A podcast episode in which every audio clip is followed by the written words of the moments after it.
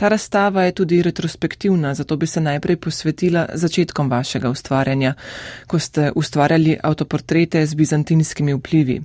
Tedaj so vas zanimala eksistencialna vprašanja.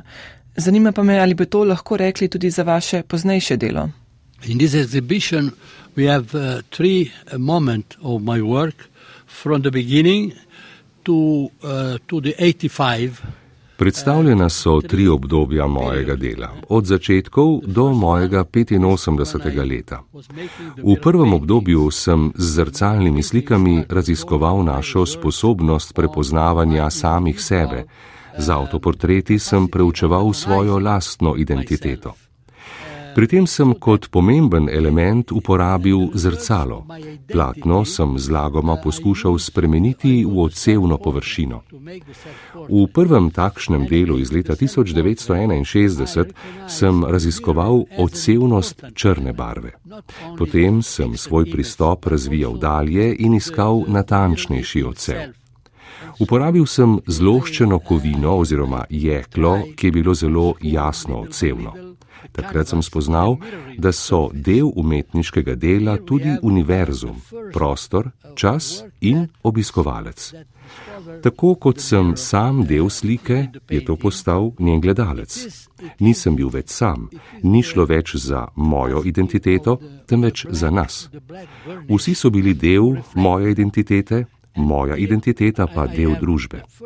Tedaj sem pogled na družbo in svet odprl v določeni praktični dimenziji življenja. Zrcalo me je obudilo v življenju. In the practical, uh, in the practical dimension of the life. Uh, the mirror brought me into the life. Ko sem omenila eksistencialna vprašanja, sem merila prav na zrcala, ki jih lahko povežemo s časom in minevanjem. In, in, the, in the mirror, you have, you have stay, time and space. Ja, ampak čas in prostor v zrcalu sta hipna, spremenljiva. Kar vidimo v ogledalu, se nenehno spreminja. In takšna je sedanjost. Sedanjost ni nikoli enaka, določajo gibanje časa. Po drugi strani pa lahko v zrcalu vidimo tudi neskončen prostor, saj čas in prostor, kot ga odseva, nista omejena. Neskončnost je tako postala ključna za moje delo, a je ne opisujem, temveč mi fenomenologija slike kaže obstoj. Ne gre za to, da jaz slikam sliko, temveč mi slika kaže, kaj obstaja. Zato sem lahko ustvaril odgovor na svoje vprašanje, a ta odgovor je prišel od zunaj.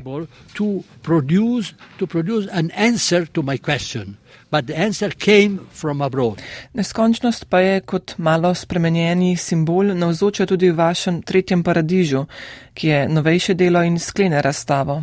Third paradise means that there is three, three time. Uh, the first paradise is when we were totally included in the nature. Tretji paradiž je sestavljen iz treh delov. V prvem paradižu smo bili popolnoma vključeni v naravo. Takrat človeka kot takega še ni bilo, ker smo bili še živali in smo živeli v popolnem vrtu. Beseda paradiž v perziščini pomeni zaščiteni vrt. V puščavi so namreč gradili okrogle kamnite konstrukcije, ki so ščitile pred vetrom. Ker je bilo tam po noči vlažno, je v njih raslo zelenje. To je bil prvi umetni čas, ko smo lahko gojili umetno naravo, kjer narava sama tega ni mogla. V času drugega paradiža je človeštvo drugič ustvarilo umetni svet. Postopno smo ustvarili umetni planet, ki se zdaj bojuje z resničnim planetom. Za obstoj človeške vrste v prihodnosti moramo razumeti, kaj smo naredili pozitivnega in kaj negativnega. Zato moramo ustvariti tretji paradiž, tretji vrt, ki bo uravnotežil prvega in drugega. That is putting in balance uh, the, the, the first and the second garden. Mislim, da je vaš pogled na umetnost, sodelovanje in koncept tretjega paradiža precej optimističen. Tudi danes smo razdvojeni bolj kot kdaj prej. Veliko težav je vojna, ekološka kriza, uspon skrajne desnice in podobno imamo tudi informacijske mehurčke, glede pandemije, da nimo ne moremo najti skupne točke. Kako lahko v teh časih ohranjate tak optimizem pri sodelovanju umetnosti? I am optimist in the sense that I know what it can be the truth. Eh, Optimističen sem zato, ker vem, kakšna bi lahko bila resnica. Vendar pa sem pesimist glede vizije sveta, v katerem živimo. V 80-ih letih pred padcem berlinskega zidu smo živeli v zelo temačnem svetu. Med zahodnim in vzhodnim svetom je bila velika napetost. Združene države Amerike proti Rusiji, Evropa pa na sredini. Ko je padel zid, sem si mislil, končno svetloba, končno sem lahko spet optimist. A danes smo vsi spet zelo pesimistični, tako kot smo bili v 80-ih, saj so tu zopet te napetosti, še močnejša kot tedaj pa je tudi grožnja jedrskega orožja. Zato na tej razstavi z naslovom Četrta generacija predstavljam opus deli z obdobja med letoma 1980 in 1989, ko smo bili v temi. Zdaj smo spet v temi in ta razstava je pomembna, ker kaže na to. Moja dela iz 80-ih so zdaj zelo sodobna, a optimistično se sprašujem, ali bomo lahko po koncu tega obdobja znova videli svetlobo.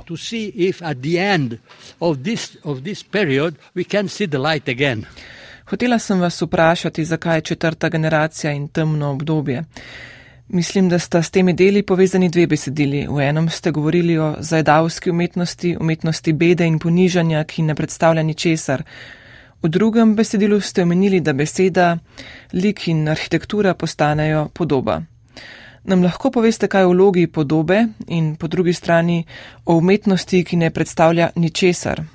Before the, the 80s, uh, before 85, the, I mean in the beginning of the 80s, I made a series of, uh, of sculpture, white sculpture that are the third generation. V začetku 80-ih let sem ustvaril serijo belih skulptur, ki jih razumem kot tretjo generacijo in so skupaj z zrcalnimi slikami na tej razstavi. Predstavljajo spomin skulpture oziroma skulpturo kot spomin. Posamezni elementi sprva v mojih mislih nimajo pravega pomena. Ta se ustvari šele, ko združim dva elementa in nastane tretji, ki ga prej ni bilo. Vse to je zajeto v simbolu tretjega paradiža. Ta simbol predstavljajo trije krogi. Gre za črto, ki se dvakrat seka.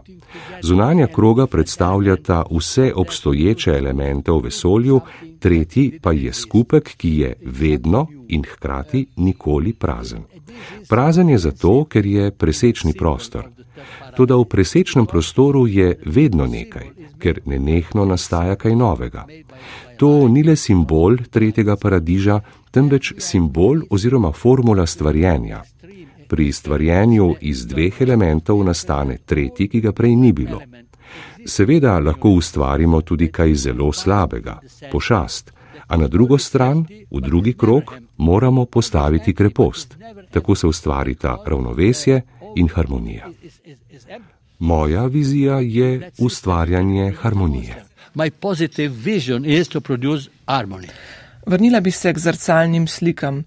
Omenila sva čas, družbo, odsev, to, da se spreminjajo in da so vedno v sedanjosti. Zanimivi pa se mi zdijo tudi drugi vidiki, naprimer vaš premik od zlatega ozadja, ki razkriva bizantinske vplive, kot celnemu ozadju. To se mi zdi kot premik od svetega k profanemu, od modernistične tradicije, kjer naj bi bili potopljeni v sliko, k sodobnemu delu, ko slika odseva prostor in čas, v katerem smo. In the history we have always been, um, we see that humanity always wanted to survive. V zgodovini lahko opazimo, da hoče človeštvo zmeraj preživeti in stremi k večnosti. Zato so ikone začeli slikati na zlatem ozadju, saj zlato ozadje likov na starih ikonah simbolizira transcendenco, našo željo po znanju, obstoju, preživetju in dosežkih. Radi bi živeli zelo dolgo, a je naše življenje zelo kratko. Religija nam je vedno dajala občutek možnosti dimenzije večnosti. Zlato ozadje je na mojih delih postopno nadomestilo zrcalo in to v primerjavi z zlatim ozadjem ni le tisto presegajoče, temveč odseva to, kar je tu in zdaj. Vidimo, kar je v vesolju zdaj. Pomembno pa je tudi to, da zlato simbolizira vero v božanstvo. A nikoli ne moremo biti popolnoma prepričani, da to bitje, ki naj bi ustvarilo vesolje, res obstaja. Verjamemo v namišljeno, ne v resnico. To je resnica, ki si jo je izmislil človek. Z zrcalnimi slikami pa ne moremo lagati, ker so resnica. Moje delo je resnično. And is a present universe without lying, this is, means that is true. So the work is the truth. Spomnim se vašega dela z napisom Ali Bog je, jaz sem. Bog obstaja, ker si ga zamišljamo mi. There was uh, writing in the street, God exists, God exists. It was a kind of religious. Uh, Na ulici je pisalo, Bog je, neka verska reč. Zato sem rekel, ali Bog je? Ja, sem. Obstajam. Če bi mi radi rekli Bog, v redu, obstajam. Tu sem zauzel stališče, da sem Bog, jaz. Če bi me, na primer, moja hči vprašala, ali Bog obstaja, bi ji odgovoril, ja, ti obstajaš. Ne le jaz, ti, mi, vsi obstajamo. Obstajamo je praktičen odgovor na nekaj, česar ne vemo, ne da bi na to odgovorili. Ne moremo pobegniti pred dejstvom, da se vidimo v ogledalu, torej obstajamo. We cannot, we cannot, we cannot um, escape the fact that I see myself in the mirror, so I exist. Je to povezano tudi s tem, da ste začeli spreminjati like Marije in svetnikov? Če se prav spomnim, ste rekli, da ste njihove like postopno spremenili v svojega. The, the moment I made the first mirror paintings, I, I, I have seen that Ko sem ustvaril prvo od zrcalnih slik, sem ugotovil, da ni nujno, da slikam sebe, ker je bila slika vsakega človeka moj avtoportret. Podoba sveta je moj avtoportret. Zato sem začel odslikavati trenutke okoli sebe. Samo s fotografijo sem lahko zajel trenutek, ki je odseval v ogledalu. Zajeta podoba je bila spomin na trenutek, ki se v zrcalu ne ohrani. Toda mi imamo spomin in ta nam pove, odkot prihajamo, kam gremo, kaj počnemo in kaj se dogaja okoli nas. Strašansko pomemben je. Na koncu sem ugotovil, da je spomin del vesolja, saj so znanstveniki prav o pomoči spomina odkrili, kako je nastalo vesolje. Pri tem jim je pomagal spomin zapisan v fizično materijo.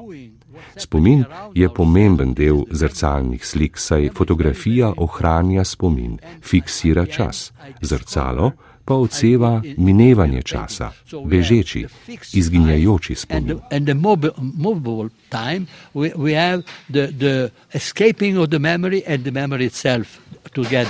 Zanima me, kaj se zgodi, ko postavljate ogledala tako, da odsevajo drugo v drugem, jih kombinirate s kletkami ali pa razpolavljate. Takrat niso več odsev nas, temveč včasih odsevajo sama sebe. I wanted to give the mirror his own self-portrait. Not only my self-portrait, but the self-portrait of the mirror. It is in order to do that, I divided Zrcalu sem hotel narediti avtoportret, zato sem eno razdelil na dva dela, ki sta odsevala drug drugega. En del je bil torej portret drugega, zrcalo je odsevalo svoj avtoportret. Ko sem ta dela zbliževal pod kotom, sem videl, da so se odsevane podobe množile. Bolj sem ju približeval, več zrcal je nastajalo. Vse več jih je bilo, dokler nista bili zrcali usporedni in sta gledali drugo v drugo. Takrat je možnost odseva popolnoma izginila. Popolnoma je izginil tudi prostor med zrcaloma. Vesolje je izginilo. Ne morem reči, da je nastal nič, ker nič ne obstaja. Obstaja pa točka, na kateri je vse mogoče. Med zaprtima zrcaloma so bile vse možnosti, vsa zrcala, ki sem jih že videl. Ko sem ju na to malce odprl, pa je nastal veliki pok. Bolj sem odpiral kot med njima, več prostora je bilo, manj je bilo zrcal. Vse dokler ni bilo zrcalo popolnoma odprto in ni bilo več povezave med obema deloma. Takrat je postal avtoportret zrcal nemogoč, saj lahko druga drugo odsevata le, ko sta povezani. Vesolje temelji na povezavah. Itself is impossible. The self portrait of the mirror is during during the, the, the time of connection of the two mirrors. And the universe is, is always based on connections. Bi lahko rekli tudi, da je, ko zrcalo odseva samo sebe, poudarjena reprezentacija. The mirror is, it is by itself, it is just an, an element of reflection. Zrcalo je samo element odseva, ni resničnost, temveč predstavitev resničnosti. Mi ljudje smo del vesolja, a si to hkrati zamišljamo v svojem umu. Imamo sposobnost, da v možganih nosimo ves proces vesolja. Zrcalo nam pri tem pomaga.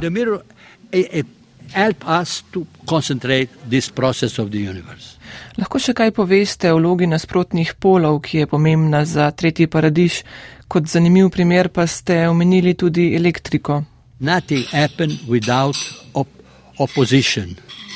Nothing happened without differences. Nič se ne zgodi brez nasprotovanja, brez razlik in kontrasta. Kontrast je osnova, nujnost, saj ustvari nekaj, česar prej ni bilo. Če bi vse ostalo enako, bi bilo enolično in prazno. To nasprotje lahko ustvari nekaj dobrega, produktivnega. Z drugimi nam ni treba komunicirati primitivno, naprimer z vojno, temveč lahko ustvarimo mir, ki pomeni ravnovesje in harmonijo. Tretji paradiž oziroma trije krogi so kot nogometno igrišče, na katerem sta v dveh krogih dve skupini. Na sredi, v srednjem krogu, imamo žogo, s katero ne igramo zato, da bi druge pobili. Druge potrebujemo za igro. Lahko zmagam jaz ali vi, tudi na vse zadnje zmaga. zmaga.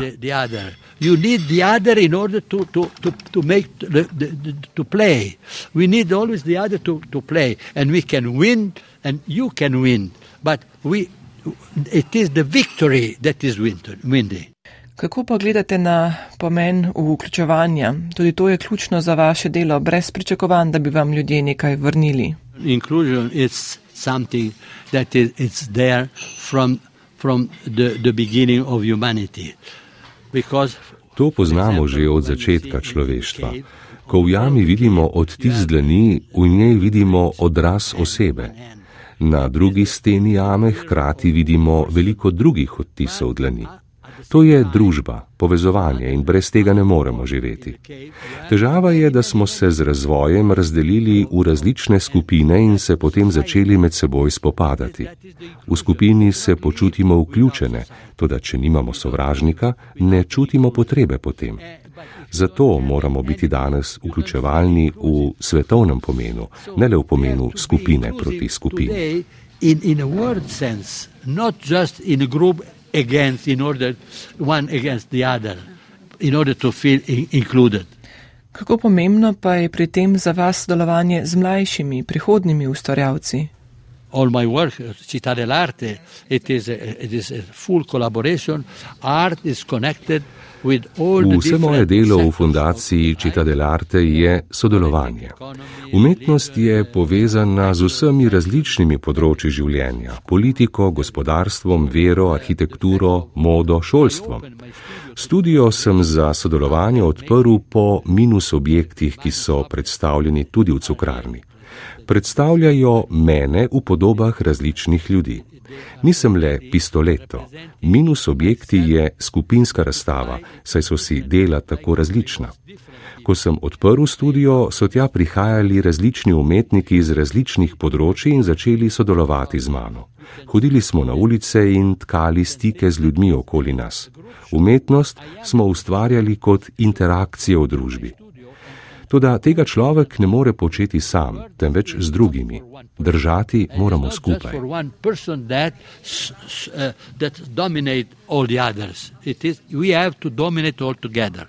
Tokrat ste sodelovali s tukajšnjimi študenti, kaj ne? Lahko poveste, kaj o tem delu?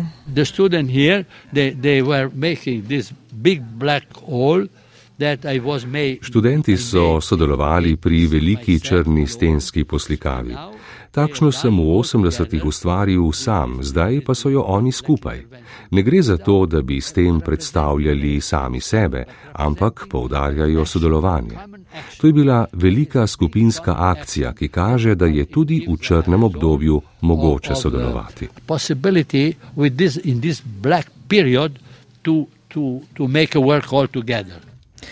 Ko govorimo o delih iz tako imenovane četrte generacije, ki jih izpostavlja tokratna postavitev, je zanimiv tudi tehnični vidik. Okoli skulptur ste uvili platno, ki ste ga poslikali.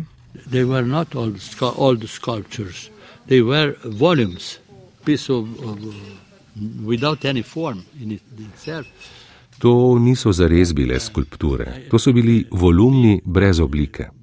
Ko sem te volumne potemnil, sem jih predstavil kot črne luknje. Črne luknje požirajo vso svetlobo, vso energijo svetlobe, zgoščajo svetlobo v temi. Ti volumni so kot črne luknje, a so hkrati svetloba.